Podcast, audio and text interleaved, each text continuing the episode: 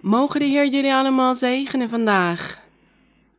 Mogen Hij vele zegeningen over jullie uitstorten. Mogen Hij jullie gebeden aanhoren, jullie smeekbeden. Mogen Hij naar jullie lijden omkijken, jullie beproevingen. En mogen onze God bij ons zijn vandaag, zoals altijd, dat Hij ons bijstaat en ons helpt en naar ons luistert en ziet wat wij doen voor Hem. Mogen Hij Zijn krachtige, barmhartige hand uitstrekken over jullie allemaal, waar jullie ook maar zijn, over de hele wereld. Jullie die op dit moment verbonden zijn met ons door middel van deze uitzending, van dit onderricht. Onze God weet wat jullie opofferen. De moeite die jullie doen om God te kunnen behagen, om het beste te kunnen doen voor Hem. En zo verwachten wij ook van onze God dat Hij ons zegent en we weten dat Hij naar onze gebeden gaat luisteren. En daarom zijn we gelukkig en verheugd vandaag. Laten we gaan zitten. U kunt allemaal plaatsnemen. Op sommige plekken is het nu wellicht 7 uur ochtends of 8 uur. Op andere plekken is het al middag of avond. Maar laten we allemaal plaatsnemen. Waar we maar plek hebben en laten we met al onze zintuigen aandachtig zijn op dit onderricht. Laten we dit doen met heel ons hart. Ik weet dat sommigen van jullie thuis veel vijanden hebben in jullie woning. Die niks willen weten van God, die niks willen weten van de Heer. En die boos worden als jullie naar de onderrichten luisteren. Maar wees dan wijs, wees verstandig. En luister of kijk op een geheime manier naar de dienst. Op een discrete manier in jullie woning. Wees verstandig, zodat diegenen die niks van God willen weten niet boos worden op u. Dat is heel verdrietig dat het zo is.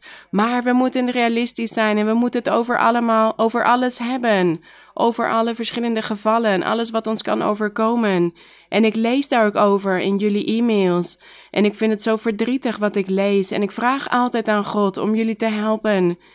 Want ik vertel jullie, ik kan jullie niet antwoorden. Maar ik bid wel altijd voor jullie. Ik lees jullie e-mails en ik bid tot God voor jullie moeilijkheden. Dus laten we verstandig zijn, wijs zijn. En we, we wachten op die tijd dat God dat wonder zal verrichten in diegenen in onze woning, zodat ze ook willen luisteren.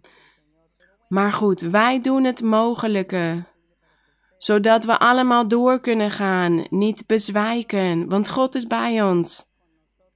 En als jullie dus familieleden hebben of huisgenoten die niks van God willen weten, maak jullie geen zorgen, bid tot God om jullie te helpen en om hen te kalmeren, om hen te bedaren. Voor hem is de glorie en de lofuiting en hij zal handelen. De glorie zij aan onze God. We danken onze Heer. Want we zijn hier weer samengekomen. Deze ontmoeting die wij hebben op zondag. In andere landen is het ondertussen al maandagochtend. Maar een groet voor jullie allemaal, mijn geliefde broeders en zusters. En we danken de Heer voor deze kans om weer samen te zijn. En vandaag gaan wij het hebben over een onderwerp dat eigenlijk voor de mensen is die nieuw zijn in de kerk. Voor degenen die nog net naar onze uitzendingen aan het luisteren zijn, want jullie kennen dit onderwerp al. Over de komst van de Heilige Geest. De broeders en zusters kennen dit onderwerp al, maar wat mooi is het om dit te gedenken, om dit in herinnering te brengen. En om die beloften van onze Heer te lezen en om ons voor te stellen hoe het is geweest toen de Heer op de aarde was en deze prachtige belofte deed over de komst van de Heilige Geest.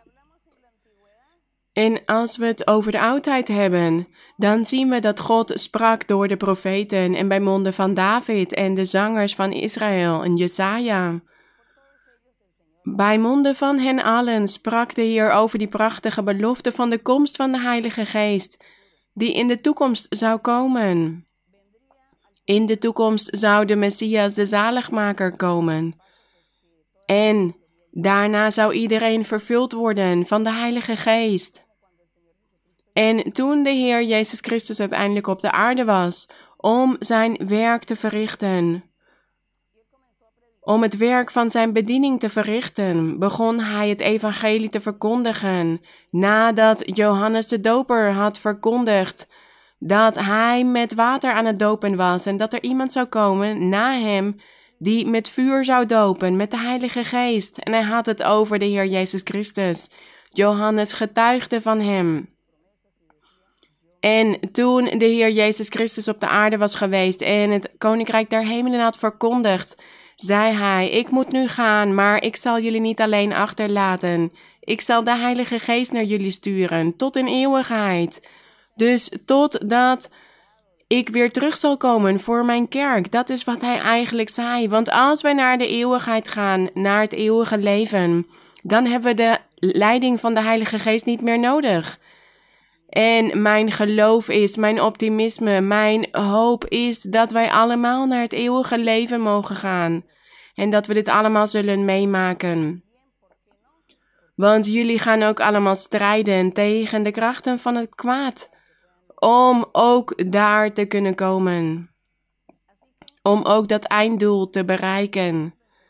Maar tot die tijd zal dus de Heilige Geest bij ons zijn. En laten we hier in Johannes hoofdstuk 14 lezen. Johannes hoofdstuk 14. Laten we gedenken wat de Heer Jezus Christus had gezegd, wat Hij had beloofd. In vers 16 sprak de Heer tot het volk. Hij was hier het koninkrijk der hemelen aan het verkondigen. Hij sprak tot het volk en tot iedereen die daar aanwezig was. Of dit nou vrienden of vijanden waren, of ze nou geloofden of niet. En zijn apostelen waren ook daar en hij onderwees iedereen. In vers 15: Als u mij lief hebt, neem dan mijn geboden in acht. En ik zal de Vader bidden, en hij zal u een andere trooster geven, opdat hij bij u blijft tot in eeuwigheid. Dit is een prachtige belofte en die hebben we al duizenden keren gelezen. Maar het is zo mooi om dit opnieuw te lezen. Om de Heer zo dicht bij ons te blijven voelen. De Heilige Geest komt zo dicht bij ons als we deze beloften weer lezen. Want hier staat: Ik zal de Vader bidden, en hij zal u een andere trooster geven, opdat hij bij u blijft tot in eeuwigheid. Vers 17, namelijk de geest van de waarheid. Dus die trooster, dit was de Heilige Geest. De geest van de waarheid, die de wereld niet kan ontvangen, want zij ziet hem niet en kent hem niet. Maar u kent hem, u die in het evangelie heeft geloofd. Hij blijft bij u. U kent hem, zei de Heer tegen hem. U kent de Heilige Geest, want hij blijft bij u, hij woont bij u. Hij is in uw midden of om u heen. En op een dag zal hij ook in u zijn, zegt hij hier. Want hier staat, want hij blijft bij u en zal in u zijn. Dus op dat moment was de Heilige Geest om hen heen. Hij was in hun midden. Maar in de toekomst zou hij ook in hun zijn, binnenin hun hart, binnenin het hart van iedereen. Wat een prachtige belofte. En in vers 26 van ditzelfde hoofdstuk staat: Maar de trooster, de Heilige Geest, die de Vader zenden zal in mijn naam, die zal u in alles onderwijzen en u in herinnering brengen alles wat ik u gezegd heb. Deze openbaring van de Heilige Geest. Er zijn velen die dit verwerpen of die dit niet kennen.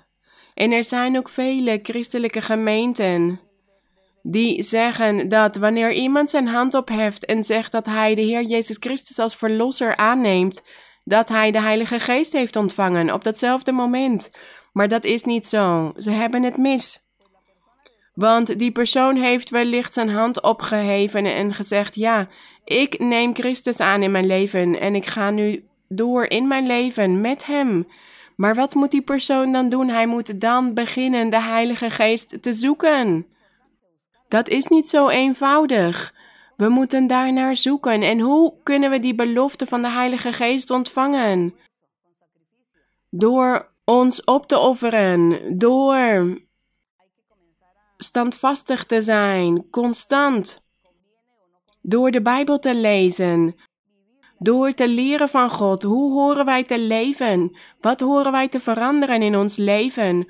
Om het waard te zijn om de Heilige Geest te ontvangen. Want als we de Bijbel beginnen te lezen, dan zeggen wij: Oh, ik mag dit niet meer doen, ik hoor dit niet te doen. Ik moet wraak, trots, overspel uit mijn leven wegnemen. Ik moet het allemaal afleggen, deze zonden die ik in mijn leven bega. Ik leef niet goed. Ik moet dit afleggen. Heer, help mij, want ik wil de Heilige Geest ontvangen.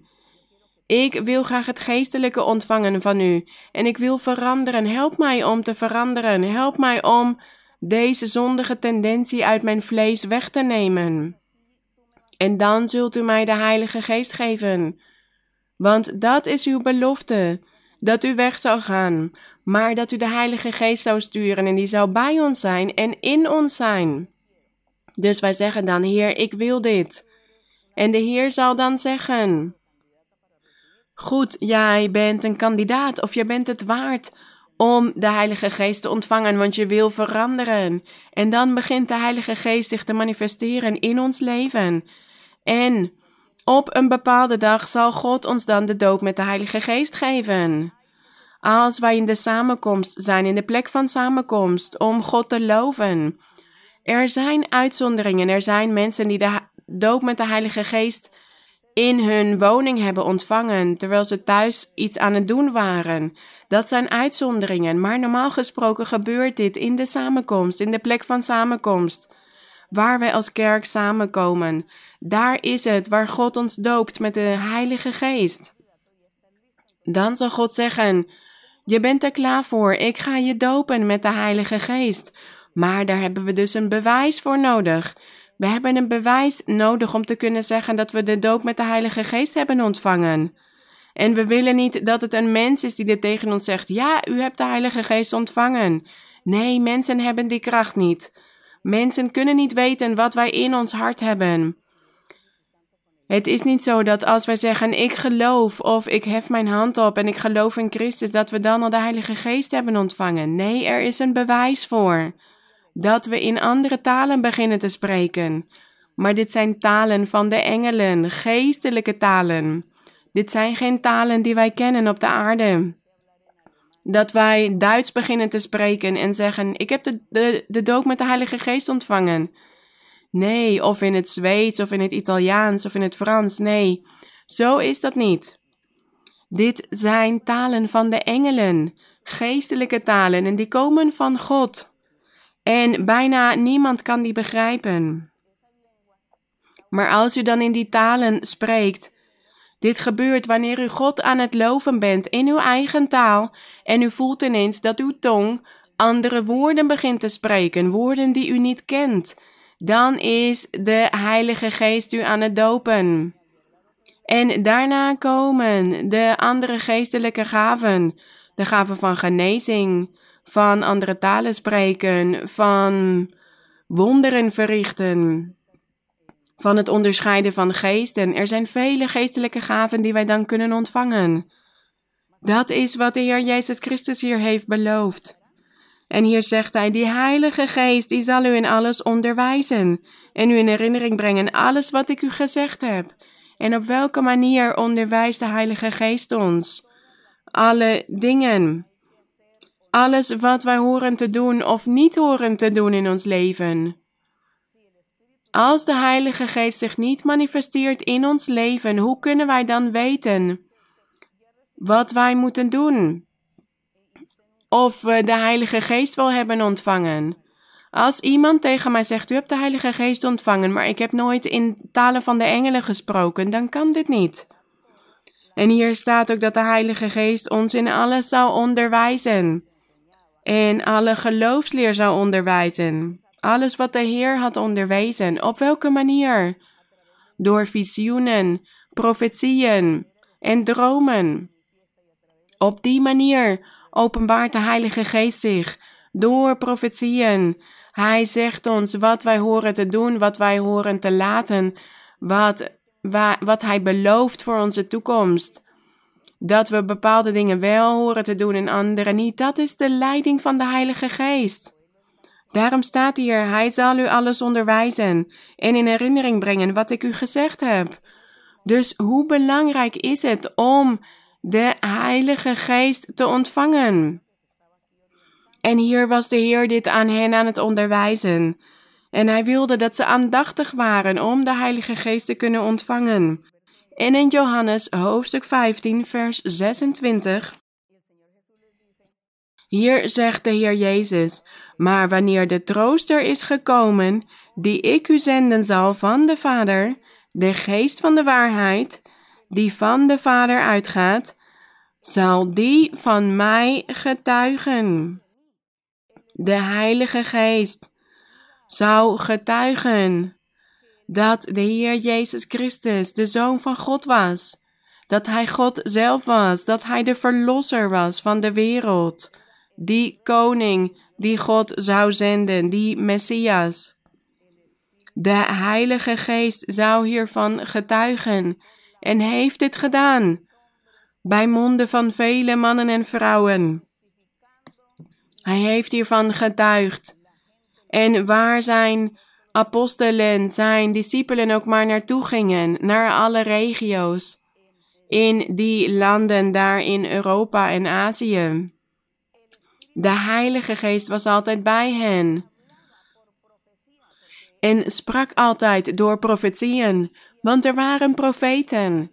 En hij liet door middel van profetieën en visioenen zien dat de Heer Jezus Christus de waarachtige was, dat hij die gezant van God was, dat hij die koning was die God had beloofd, dat hij die zaligmaker was die God had beloofd bij monden van de profeten en Mozes. En die ook in de psalmen stond beschreven. De Heilige Geest heeft getuigd van de Heer Jezus Christus.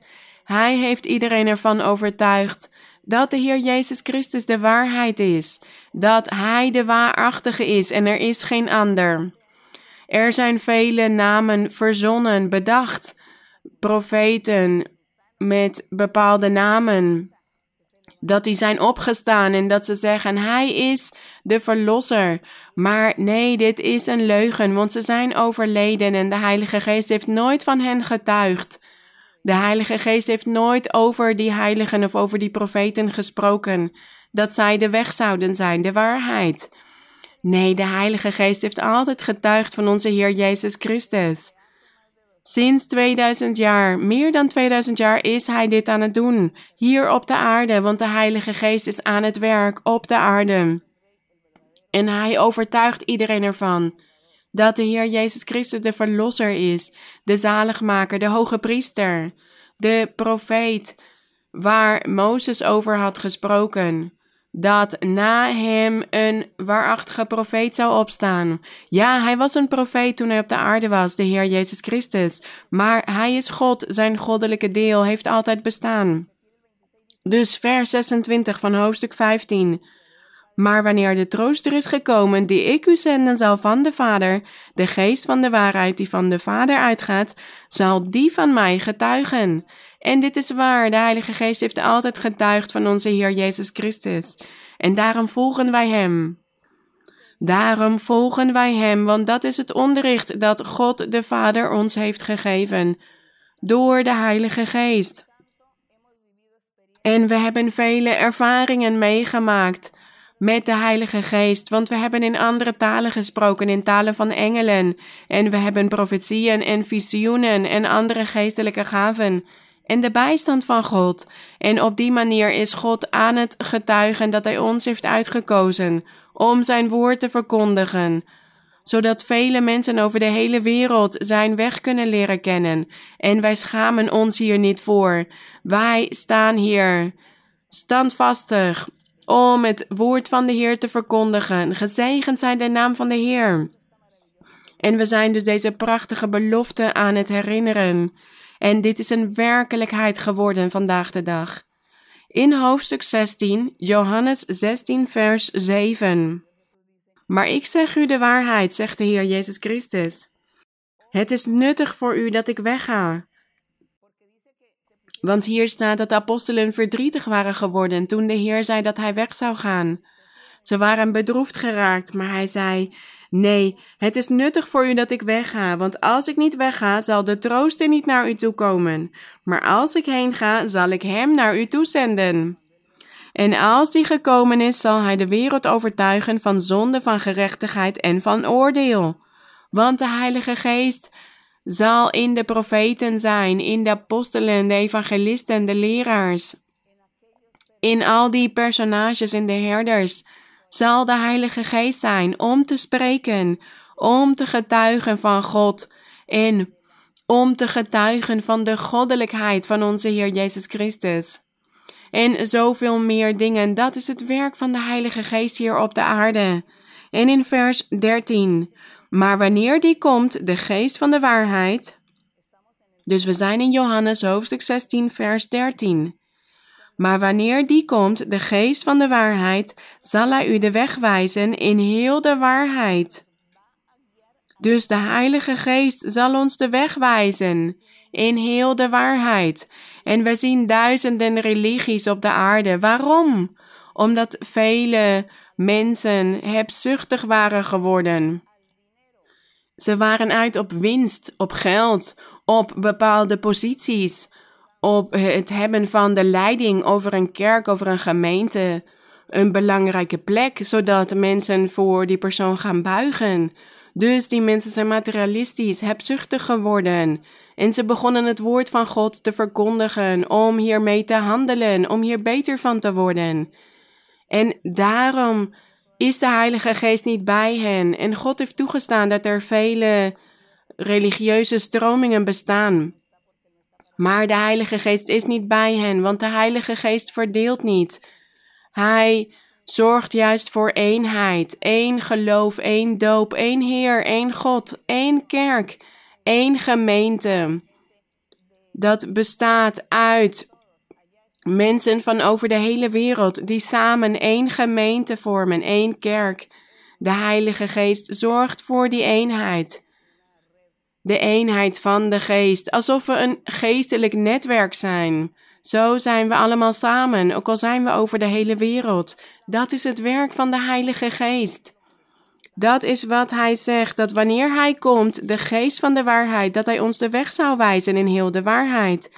Want hij zal niet vanuit zichzelf spreken, maar wat hij gehoord zal hebben, zal hij spreken, en de toekomstige dingen zal hij u verkondigen. Ja, bijvoorbeeld het boek Openbaring.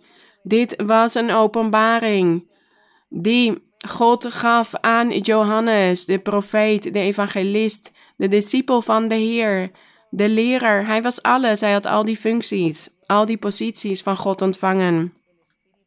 En God had hem al die dingen openbaard voor de toekomst, geopenbaard. Toekomstige dingen zo vervulde hij wat hier geschreven staat, dat de Heilige Geest alles zou spreken wat hij zou horen en dat hij toekomstige dingen zou verkondigen. En dat is waar. Want de Heilige Geest onderwijst ons alles en hij zet ons aan om God te loven, om God te eren, om zijn wil te doen. De Heilige Geest zet ons hiertoe aan. Zien jullie wel hoe belangrijk het is om de Heilige Geest te zoeken en te ontvangen in ons hart. En laten we verder gaan naar Lucas. Iets terug in de Bijbel. In Lucas hoofdstuk 24. Lucas hoofdstuk 24, hier lezen we over een belofte. van onze Heer Jezus Christus. Voordat hij naar de hemel zou gaan, voordat hij op zou varen naar de hemel. Hij had iets beloofd aan al zijn apostelen en de mensen die bij hem waren op die dag. Hij zei tegen hen in vers 49, Lucas 24, vers 49. En zie, ik zend de belofte van mijn vader op u. Hij zegt hier, ik zend hem op u, maar blijf, maar blijft u in de stad Jeruzalem. Wat was die belofte? De Heilige Geest, de trooster. Maar hij zei, maar blijft u in de stad Jeruzalem, in het fysieke Jeruzalem, totdat u met kracht uit de hoogte bekleed zult worden. Met kracht uit de hoogte. Dit was de raad die de Heer gaf aan de apostelen. Hij zei: Blijf in de stad Jeruzalem, totdat jullie de Heilige Geest hebben ontvangen. Totdat jullie veranderd zijn in andere personages, vol met de kracht van God. En in Handelingen hoofdstuk 1 gaan we lezen wat er is gebeurd. Nu hebben we de beloften gelezen. De beloften die de Heer aan zijn apostelen had gedaan en aan het volk dat in hem had geloofd. En we gaan nu lezen over de vervulling van deze woorden. Dat is wat we horen te analyseren dat wij zien dat die woorden van de Heilige Geest vervuld worden. Want soms lees ik wel eens boeken van een bepaalde profeet. Van de profeet Peter of de profeet Johan, dat hij verschenen is en dat hij wijzer is dan de Heer Jezus Christus en dat hij de verlosser is, zeggen sommige mensen. En zo zijn er boeken geschreven over bepaalde profeten. Maar die profeten zijn overleden en er wordt nooit meer over hen gesproken. Waarom? Omdat het mensen zijn geweest. Ze doen niks meer op aarde op dit moment. Hun werk is afgelopen. Maar de Heer Jezus Christus, met hem is het niet zo. Hij is God. Hij was een tijd vlees geworden en op de aarde heeft hij gewerkt. 33 jaar lang in Judea, in Jeruzalem. En daarna is hij weer dat goddelijke deel van hem geworden, wat hij altijd was geweest. En blijft hij werken, nu door de Heilige Geest. Dus zijn beloften worden vervuld. Wij hebben die belevenissen, die werkelijkheden in ons leven, het werk van de Heilige Geest in ons eigen leven. En ja, we moeten ons nog meer overgeven aan God en heiliger leven, volmaakter leven, zodat God zich meer kan manifesteren in ons. Maar daar zijn we mee bezig, daar gaan we naartoe. We willen die geestelijke gestalte of positie bereiken die God ons wil geven. We zijn ervoor aan het strijden om die volledige manifestatie van de Heilige Geest in ons leven te hebben. Dat is onze strijd. En zo zien wij deze dingen vervuld worden. En in Handelingen van de Apostelen lezen we hierover in hoofdstuk 1, vers 1. Degene die dit heeft geschreven was Lucas volgens de geschiedenis. Hij was een dokter. En hij onderzocht alles wat er was gebeurd en hij had ook getuigen ondervraagd. Mensen in Jeruzalem over wat er was gebeurd toen de Heer Jezus op de aarde was. En velen vertelden hem hun ervaringen van wonderen, tekenen. En ze begonnen alles te vertellen wat ze met de Heer hadden meegemaakt. En hij heeft hierover geschreven. En hij heeft dit boek geschreven voor een belangrijk personage in die tijd. In vers 1: Het eerste boek heb ik gemaakt, o Theophilus, over alles wat Jezus begonnen is te doen en te onderwijzen. Hier staat: Het eerste boek heb ik gemaakt. Het lijkt alsof dit al het tweede boek was dat hij naar dit personage stuurde, naar Theophilus. Vers 2. Tot op de dag waarop de Heer Jezus opgenomen is, toen hij in de wolk was opgenomen, terwijl 500 mensen dit zagen gebeuren. Nadat hij door de Heilige Geest aan de apostelen die hij uitgekozen had, opdrachten had gegeven. Hij heeft zichzelf, nadat hij geleden had, ook levend aan hen vertoond, met veel onmiskenbare bewijzen. Onmiskenbare bewijzen, dat betekent dat er geen twijfels waren. Hij had laten zien dat hij was opgestaan uit de dood. Hij had zich aan, de, aan zijn apostelen laten zien. Hij was verschenen aan hen. En hij had hen dus laten zien dat hij was opgestaan uit de dood met veel onmiskenbare bewijzen. Veertig dagen lang, waarbij hij door hen gezien werd en over de dingen sprak die het koninkrijk van God betreffen. Dus we lezen hier dat hij veertig dagen lang nadat hij gekruisigd was op het kruis van Golgotha, op die zondag daarna was hij opgestaan uit de dood en hij is veertig dagen lang onder de apostelen gebleven. Hij heeft zich aan hen vertoond. Vers 4 En toen hij met hen samen was, beval hij hun dat zij niet uit Jeruzalem weg zouden gaan, maar de belofte van de Vader zouden verwachten, die u, zei hij, van mij gehoord hebt. Wat was die belofte van de Vader? Dat ze bekleed zouden worden met de kracht uit de hoogte, dat ze in Jeruzalem moesten wachten op die kracht, op de Heilige Geest. Vers 5. Want Johannes doopte wel met water, maar u zult met de Heilige Geest gedoopt worden. Staat hier. Niet lang na deze dagen. Dus we zien hier dat, er, dat dit een proces was om de Heilige Geest te ontvangen. Het was niet zo eenvoudig zoals sommige mensen vandaag de dag zeggen. Ze zeggen: Ja, hef uw hand op en zeg dat u gelooft in Christus, en dan hebt u de Heilige Geest ontvangen. Maar die persoon heeft niks ontvangen. Want kijk hier in vers 5. Want Johannes doopte wel met water, maar u zult met de Heilige Geest gedoopt worden niet lang na deze dagen. En laten we nu naar hoofdstuk 2 gaan van Handelingen. Handelingen hoofdstuk 2 vers 1. Uiteindelijk was die lang verwachte dag aangebroken voor de apostelen en er waren ongeveer 120 mensen bijeengekomen in een bovenzaal daar in Jeruzalem en ze waren samen aan het bidden. Apostelen en ook vrouwen, ook Maria, de moeder van de Heer, en ook zijn broers.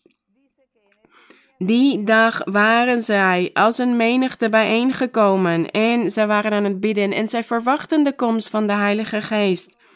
Hoofdstuk 2, vers 1. En toen de dag van het Pinksterfeest vervuld werd, waren zij allen eensgezind bijeen. En plotseling kwam er uit de hemel een geluid als van een geweldige windvlaag, en dat vervulde heel het huis waar zij zaten.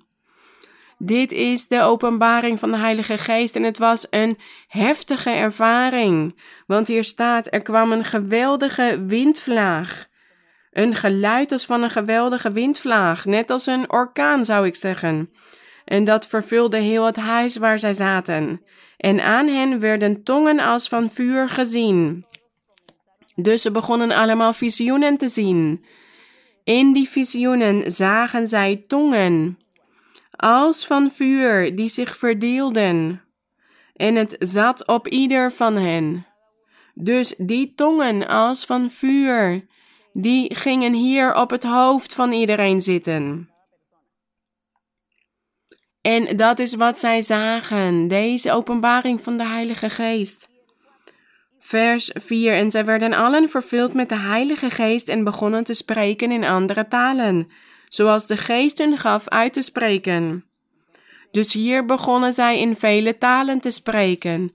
Op deze dag heeft de Heer wel toegestaan dat zij in andere talen van de mensen spraken, van degenen die op dat moment aanwezig waren. In Jeruzalem waren er toen mensen van vele verschillende landen. En ze hadden allemaal hun eigen taal, hun eigen dialect. En de Heer, om te kunnen verkondigen, om te kunnen evangeliseren en om te kunnen getuigen aan al deze mensen dat Hij God was. En dat de Heer Jezus Christus God was en dat dit de openbaring van de Heilige Geest was, heeft de Heer toegestaan dat zij op die tijd wel in de talen van de mensen spraken. In vers 5. Want in vers 4 staat dus dat de geest hun gaf uit te spreken in de talen van de mensen die aanwezig waren. Vers 5. Nu woonden er Joden in Jeruzalem, Godvrezende mannen uit alle volken die er onder de hemel zijn. Toen dan dit geluid klonk, kwam de menigte samen en raakte in verwarring, want ieder hoorde hen in zijn eigen taal spreken.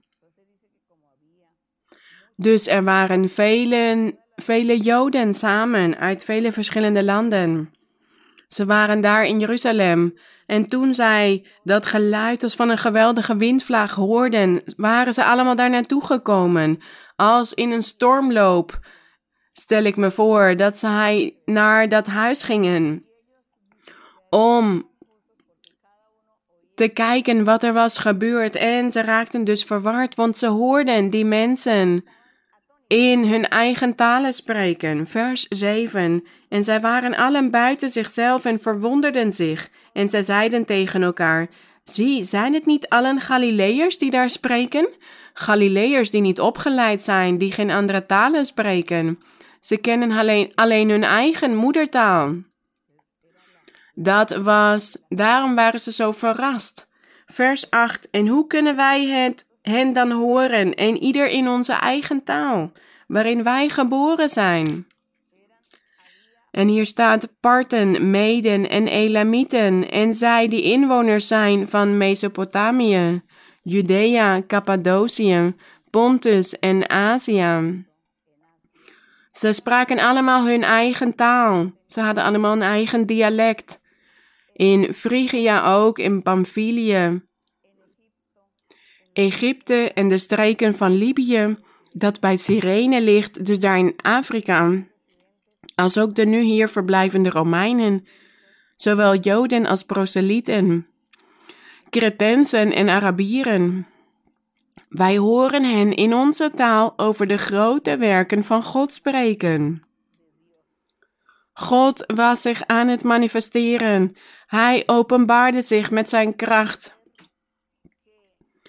dat dat wezen dat hij had gezonden en dat Jezus uit Nazareth had geheten, dat hij de waarachtige was, dat hij de zaligmaker was, de koning, die volmaakte koning, die vreugde en blijdschap zou geven, want hij zou op een rechtvaardige manier heersen. En dat hij dat personage was dat gevolgd moest worden, nagevolgd.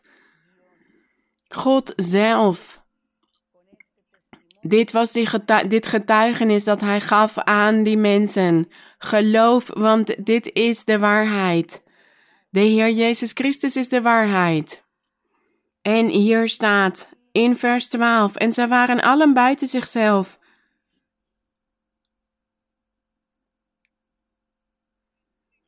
En raakten in verlegenheid. En de een zei tegen de ander: Wat wil dit toch zeggen? Anderen zeiden spottend: Ja, de duivel, de vijand was er ook bij. De spotter, de verzoeker, de Satan of de duivel heeft zoveel verschillende namen.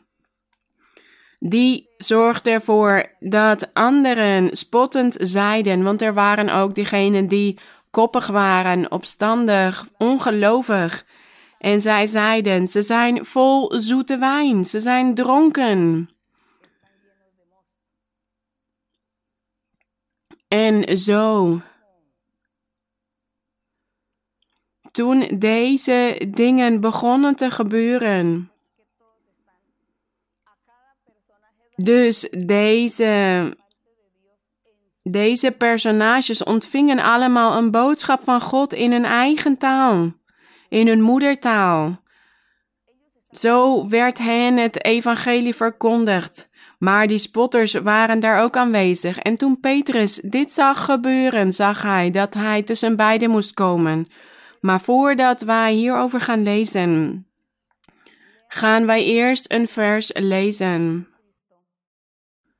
Waarin de Heer Jezus Christus een prachtige belofte had gedaan aan Petrus. En dat was hier op deze dag vervuld. Maar laten we eerst die belofte lezen die de Heer aan Petrus had gedaan. In Matthäus hoofdstuk 16. Het Evangelie volgens Matthäus hoofdstuk 16. In vers 19. Matthäus 16, vers 19.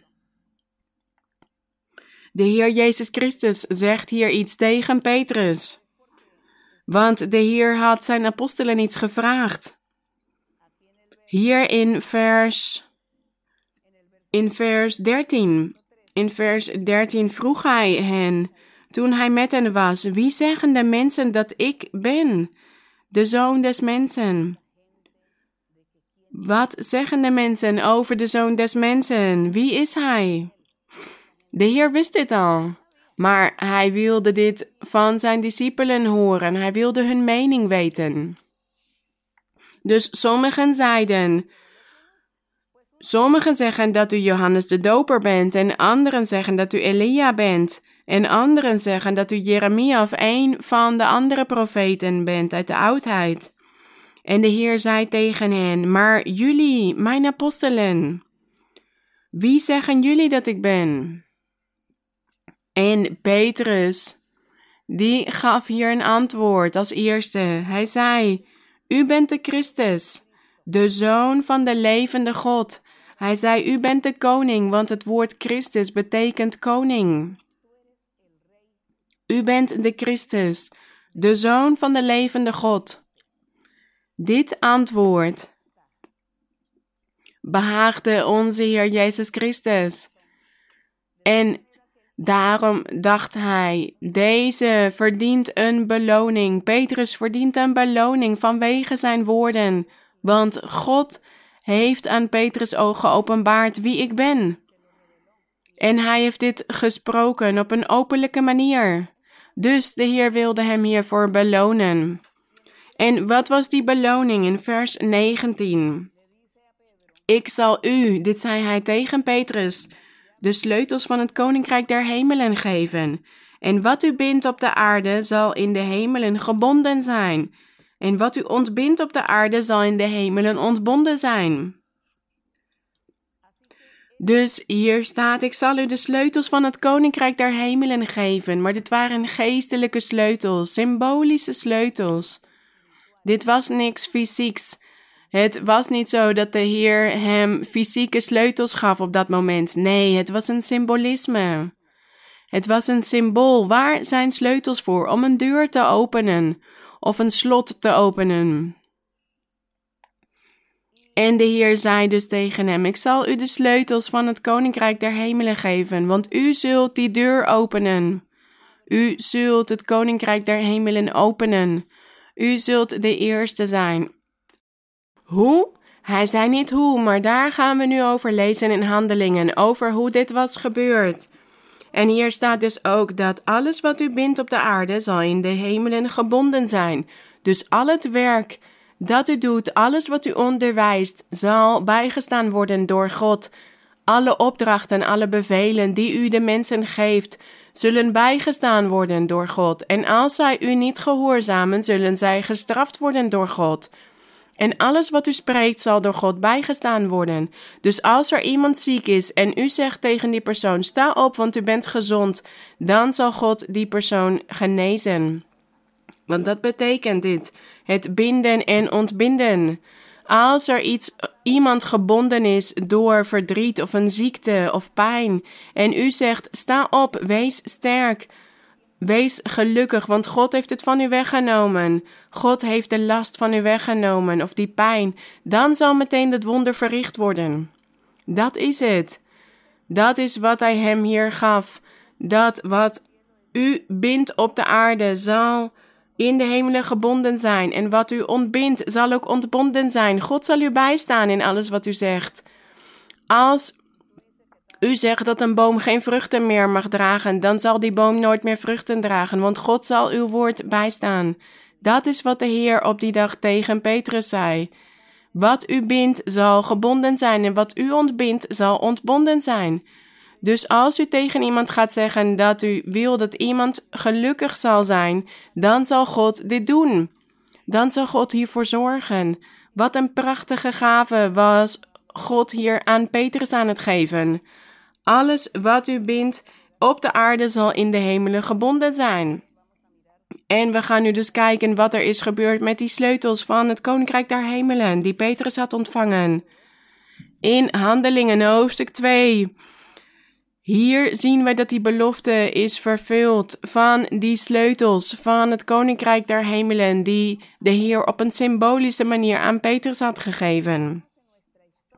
Dus wij hebben hier net ook over gelezen in Handelingen hoofdstuk 2 dat er vele mensen aanwezig waren op die dag van verschillende landen. En dat God hen het evangelie aan het verkondigen was. En dat ze allemaal verrast waren, verbaasd. Maar dat er ook spotters waren die aan het bekritiseren waren. En die zeiden dat ze dronken waren en dat ze daarom zo spraken. Maar Petrus zag dit alles gebeuren en daarom stond hij op en werd hij geïnspireerd door de geest van God en begon hij de deur van het koninkrijk der hemelen te openen met de sleutels die de Heer hem had gegeven op een symbolische manier. Vers 14 van hoofdstuk 2. Maar Petrus, die daar met de elf andere apostelen stond, verhief zijn stem en sprak tot hen: Joodse mannen, en u allen die in Jeruzalem woont, dit moet u bekend zijn en laat mijn woorden tot uw oren doordringen. Deze mensen zijn namelijk niet dronken, zoals u vermoedt, want het is pas het derde uur van de dag. Dus dat was negen uur ochtends. Het derde uur van de dag was in die tijd negen uur ochtends. Maar dit is wat gesproken is door de profeet Joël. Hier was hij het koninkrijk der hemelen aan het openen met de sleutels die de Heer hem had gegeven. Want hij was de eerste geweest onder de apostelen die was opgestaan om het koninkrijk der hemelen te verkondigen, om de eerste toespraak te geven. Zo heeft hij het koninkrijk der hemelen geopend, want op dit moment is het koninkrijk der hemelen begonnen. De kerk van onze Heer begon hier te werken. En daarom had de Heer tegen hem gezegd: Ik zal jou de sleutels van het koninkrijk der hemelen geven, en ik zal je kracht geven en gaven, en ik zal je gebruiken en je zult wonderen verrichten in mijn naam. Dat betekende dit binden en ontbinden. En Petrus begon dus te verkondigen. En in vers 16, vers 17 staat: En het zal zijn in de laatste dagen. Dit is wat gesproken was door de profeet Joël. In de laatste dagen, dus in de toekomst, zegt God dat ik zal uitstorten van mijn geest op alle vlees, op alle mensen. En uw zonen en uw dochters zullen profeteren. Uw jonge mannen zullen visioenen zien en uw ouderen zullen dromen dromen. Er zijn christelijke gemeenten die niet geloven in visioenen, die zeggen nee, dat is van de duivel. Ze geloven ook niet in de dromen. Ze zeggen nee, dat is van de duivel. En ze zeggen soms ook als iemand de doop met de Heilige Geest ontvangt en in andere talen, in de talen van de engelen spreekt, dan zeggen ze nee, dat is van de duivel. Maar ze hebben zelfs zelf niks van God en ook niet van de duivel. Ze hebben geen krachten om dit te kunnen weerleggen, om te kunnen zeggen dat wat wij hebben, dat dit van de duivel is. Velen bekritiseren ons. Onze vijanden bekritiseren ons. De duivel zet mensen aan om onze vijanden te worden en ze zeggen dat wij waarzeggers zijn. En als wat wij doen, als dat waarzeggerij is, wat doen zij dan? Hebben zij de kracht van God om wonderen te verrichten, om profetieën te geven? Om geestelijke gaven in werking te stellen, laat dit dan zien. Als jullie kunnen laten zien dat jullie de waarachtige kerk zijn, dat jullie de waarachtige dieners van God zijn, dan zullen wij dit aannemen van jullie. Maar zolang jullie dit niet kunnen laten zien, geloven wij dit niet en vertrouwen wij erop dat wij die waarachtige zijn, vanwege wat God ons geeft. Want er zijn velen die zijn trots en koppig en opstandig en ze doen de dingen niet op een juiste manier, maar God onderwijst ons om alles op een juiste manier te doen. En dit was dus wat Petrus zei op die dag. En er zijn mensen die vandaag de dag zeggen: nee, dit was alleen voor die tijd, voor de tijd van de vroege kerk. Maar is het zo dat God dan vandaag de dag geen kracht meer heeft? Kan hij zich niet meer openbaren? Is hij nu niet in staat om zich te openbaren? Was het alleen voor die tijd? Is God nu gaan slapen of wat is er gebeurd? Nee, dit is niet logisch. Want Petrus was hier op dit moment de deur van het koninkrijk der hemelen aan het openen. Maar dit is ook voor nu, voor vandaag de dag. Want God is dezelfde gisteren, vandaag en tot in eeuwigheid. Hij verandert niet. En hij zal nooit veranderen. Hij zal zich op dezelfde manier blijven manifesteren. En ook zoals hij velen heeft gestraft, duizenden jaren geleden, omdat mensen koppig en opstandig zijn, zo doet hij dit vandaag de dag ook. En duizenden jaren geleden heeft hij ook vele mensen die juist van hem hebben gehouden en die zijn wil hebben gedaan, heeft hij gezegend. En vandaag de dag doet hij hetzelfde. Degene die van God houdt, met heel zijn kracht, met heel zijn ziel, die wordt gezegend door God. Want de Heilige Geest zal nooit moe worden. God zal nooit moe worden.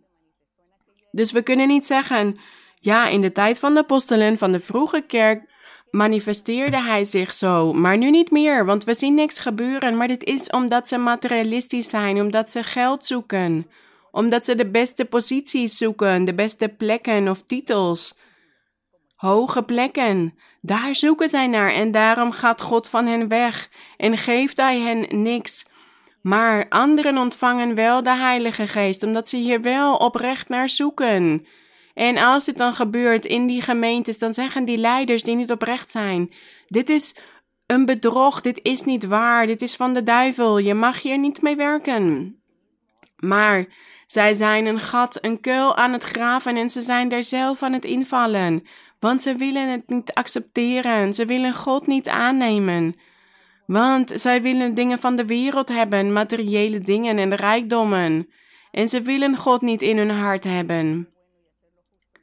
Dat is het verschil. Daarom manifesteert de Heilige Geest zich niet in hun midden. Omdat ze jaloers zijn, hebzuchtig. Ze hebben afgunst. Maar goed, dus nadat de Heer dit had beloofd en meer dan 2000 jaren zijn voorbij gegaan. En vandaag de dag zijn wij hiervan aan het genieten. Van de Heilige Geest, van het spreken in talen van de engelen in andere talen. En we zijn aan het genieten van de geestelijke gaven. God is dezelfde. Hij is niet veranderd. Het was niet alleen voor die tijd. Vandaag de dag manifesteert hij zich ook. Maar hij wil wel dat mensen hem lief hebben en dat ze niet op zich op hebzuchtig zijn. Dat zij niet op de eerste plek willen staan, maar dat ze God zoeken met heel hun hart. En hier lezen we dus de eerste preek of de eerste toespraak van Petrus. Zo heeft hij het koninkrijk der hemelen geopend met die geestelijke sleutels die de Heer hem had gegeven. En hier staat in vers 19: En ik zal wonderen geven in de hemel boven en tekenen op de aarde beneden. Bloed, vuur en rookwalm. De zon zal veranderd worden in duisternis en de maan in bloed, voordat de grote en onzagwekkende dag van de Heere komt. En dit is zo gebeurd, want hij was gekomen, de Heer was gekomen om aan de zijnen te verkondigen, aan het volk van Israël. Dat was deze zon en deze maan, zij waren het volk van Israël. Want zij waren belangrijk in die tijd, omdat God hen had uitgekozen. Maar zij hebben niet willen geloven. Zij waren die uitverkorenen. Ze waren beroemd op de aarde, omdat God hen had uitgekozen. Daarom werden ze vergeleken met de zon en met de maan, met zoiets dat zo belangrijk is. Maar de Heer zag dus dat ze veranderd zouden worden in duisternis en de maan in bloed. Ze zouden niet meer schijnen. Ze zouden niet meer beroemd zijn. En vandaag de dag, wie is er aan het schijnen? Niet meer het volk van Israël, maar de Heilige Geest is aan het schijnen in het hart van iedereen die Hem zoekt, over de hele wereld, van welk land dan ook. En hier staat dus voor dat de grote en ontzagwekkende dag van de Heere komt. Die grote en ontzagwekkende dag van de Heere, dat is die tweede komst van de Heer. Het moment dat de Heer terug zal komen voor zijn kerk op de wolken. Vers 21, hier zijn vele gemeentes, vele religies uit ontstaan. Uit dit vers, en het zal zo zijn dat ieder die de naam van de Heere zal aanroepen, zalig zal worden. Ja, maar dit is niet alleen maar zeggen, Heer, Heer, ik geloof in u.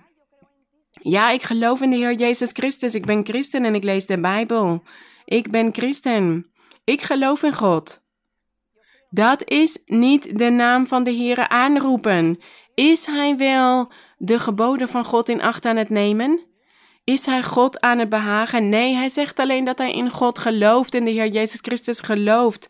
Maar hij houdt van de dingen van de wereld, van het genot in de wereld, of van het kwade doen, of mensen te laten lijden. Maar ik geloof in de Heer Jezus Christus, zegt die persoon dan. En hier staat: Als ik zijn naam aanroep, dan zal ik zalig worden.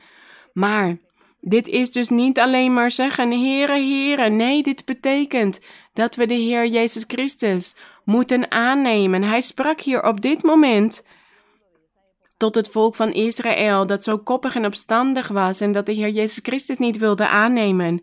Maar hij zei hier: degene die de Heer Jezus Christus aanneemt als zijn verlosser, die zal zalig worden, want op dat moment zal die weg beginnen voor hem, die weg van zijn geestelijk leven.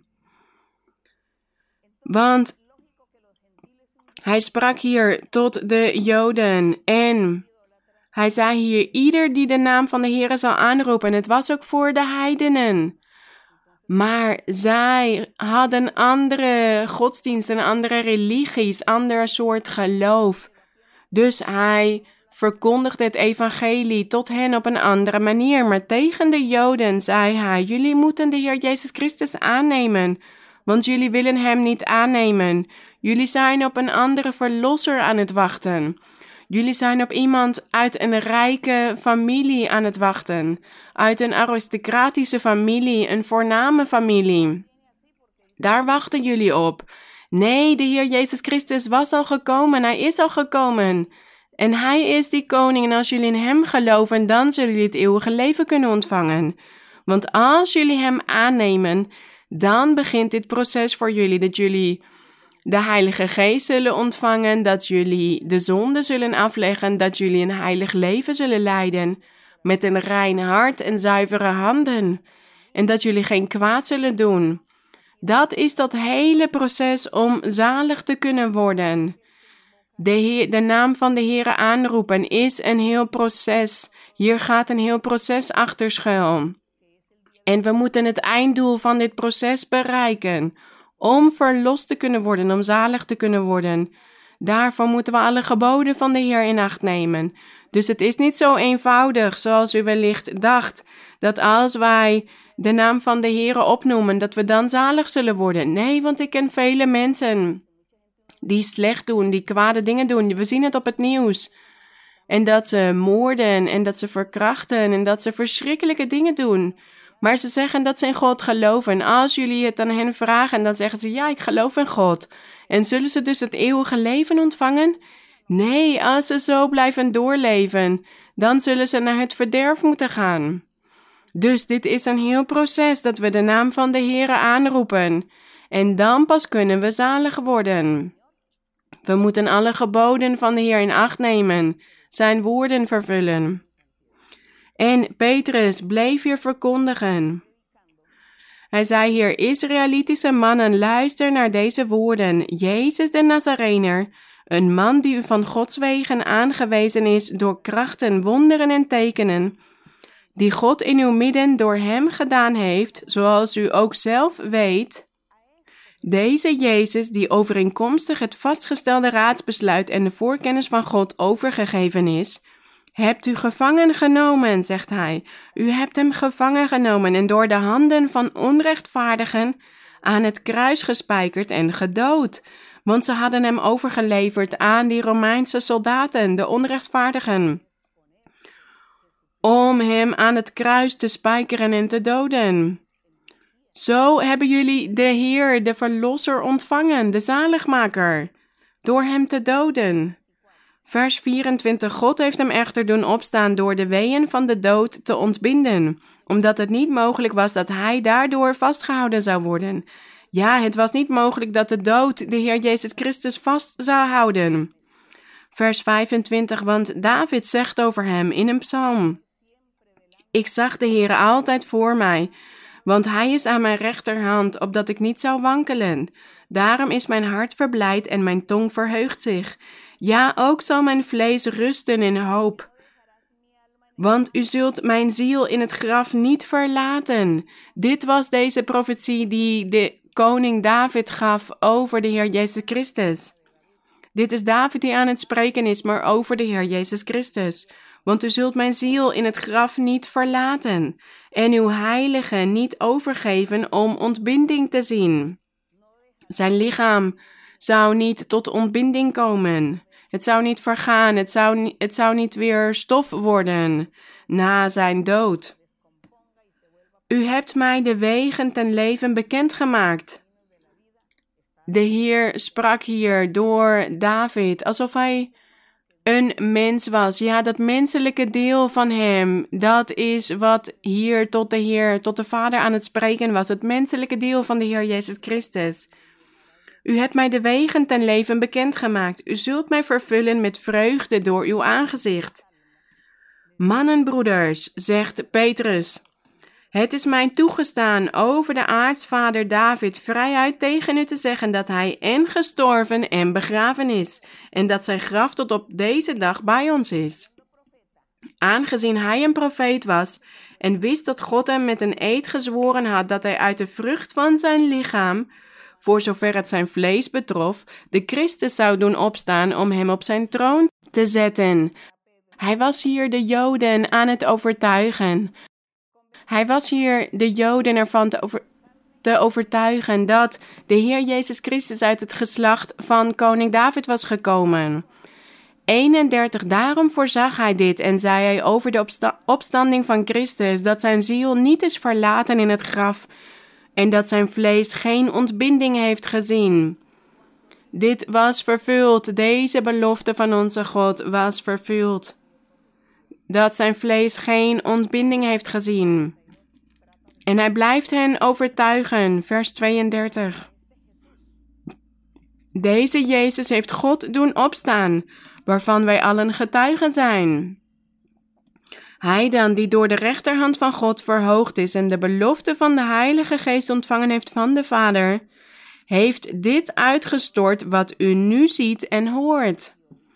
Deze ervaring die jullie nu aan het zien zijn, aan het meemaken zijn, dit was de belofte van de Vader, dat Hij de Heilige Geest zou sturen.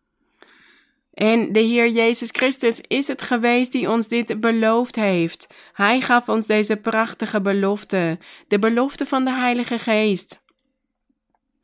Zo was Petrus met deze toespraak het volk aan het overtuigen. Vers 34. David is immers niet opgevaren naar de hemelen, maar hij zegt: De Heere heeft gesproken tot mijn Heere. Dus hier staat dat David niet is opgevaren naar de hemelen. Maar in zijn profetie zei hij: De Heere heeft gesproken tot mijn Heere. Dit was omdat David een visioen aan het zien was. Hij zag in een visioen, zag hij de Heer Jezus Christus, dat hij sprak tot de Vader, tot God de Vader.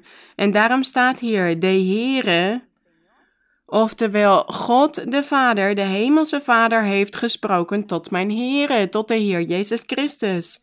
Zit aan mijn rechterhand.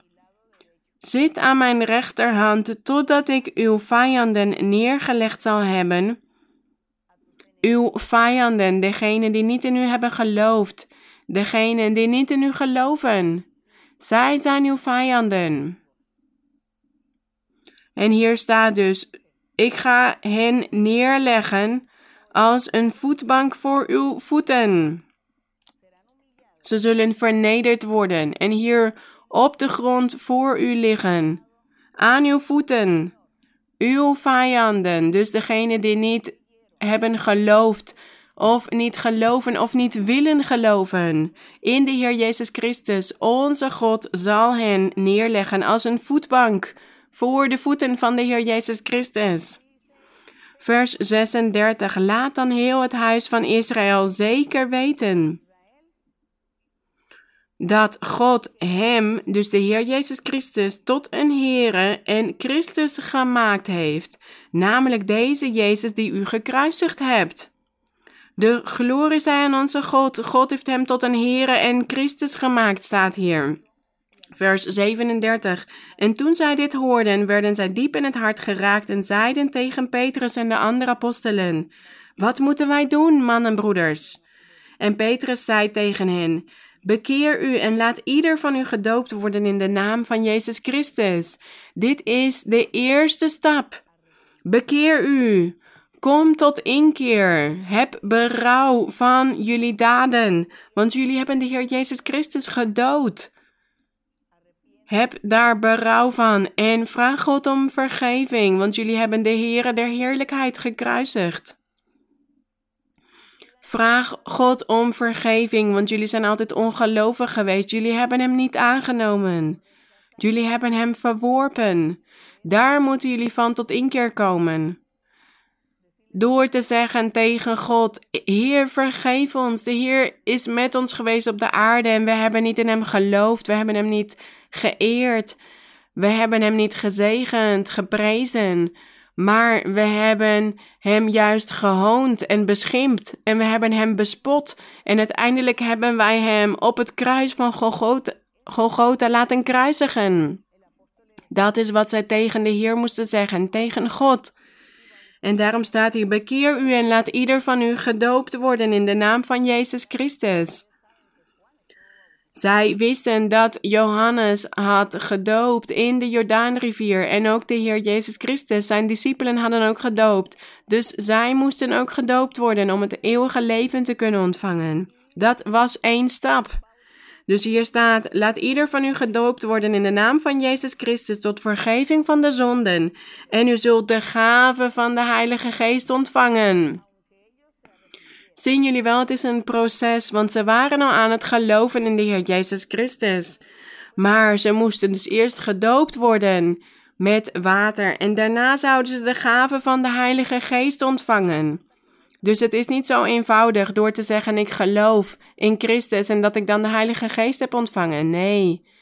Hier staat u zult de gave van de Heilige Geest ontvangen, want voor u is de belofte en voor uw kinderen en voor allen die veraf zijn, zoveel als de Heere onze God ertoe roepen zal. Dus het is eerst gedoopt worden met water en ook de doop met de Heilige Geest ontvangen. Vers 40 En met veel meer andere woorden legde hij getuigenis af en spoorde hij hen aan met de woorden: Laat u behouden uit dit verkeerde geslacht. Dus neem afstand van dit verkeerde geslacht, want dit verkeerde geslacht heeft de Heer gekruisigd op het kruis van Golgotha. Neem hem juist aan. Wees eenvoudig van hart, nederig van hart en neem hem aan en volg zijn stappen. Vers 41. Zij nu die zijn woord met vreugde aannamen, werden gedoopt. En ongeveer 3000 zielen werden op die dag aan hen toegevoegd. En zij volharden in de leer van de apostelen en in de gemeenschap, in het breken van het brood en in de gebeden. Gezegend zij de naam van onze Heer. Wat zien wij hier? De vrucht van Petrus op die dag vanwege die grote zegening die de Heer hem had gegeven, die symbolische sleutels om het koninkrijk der hemelen te openen.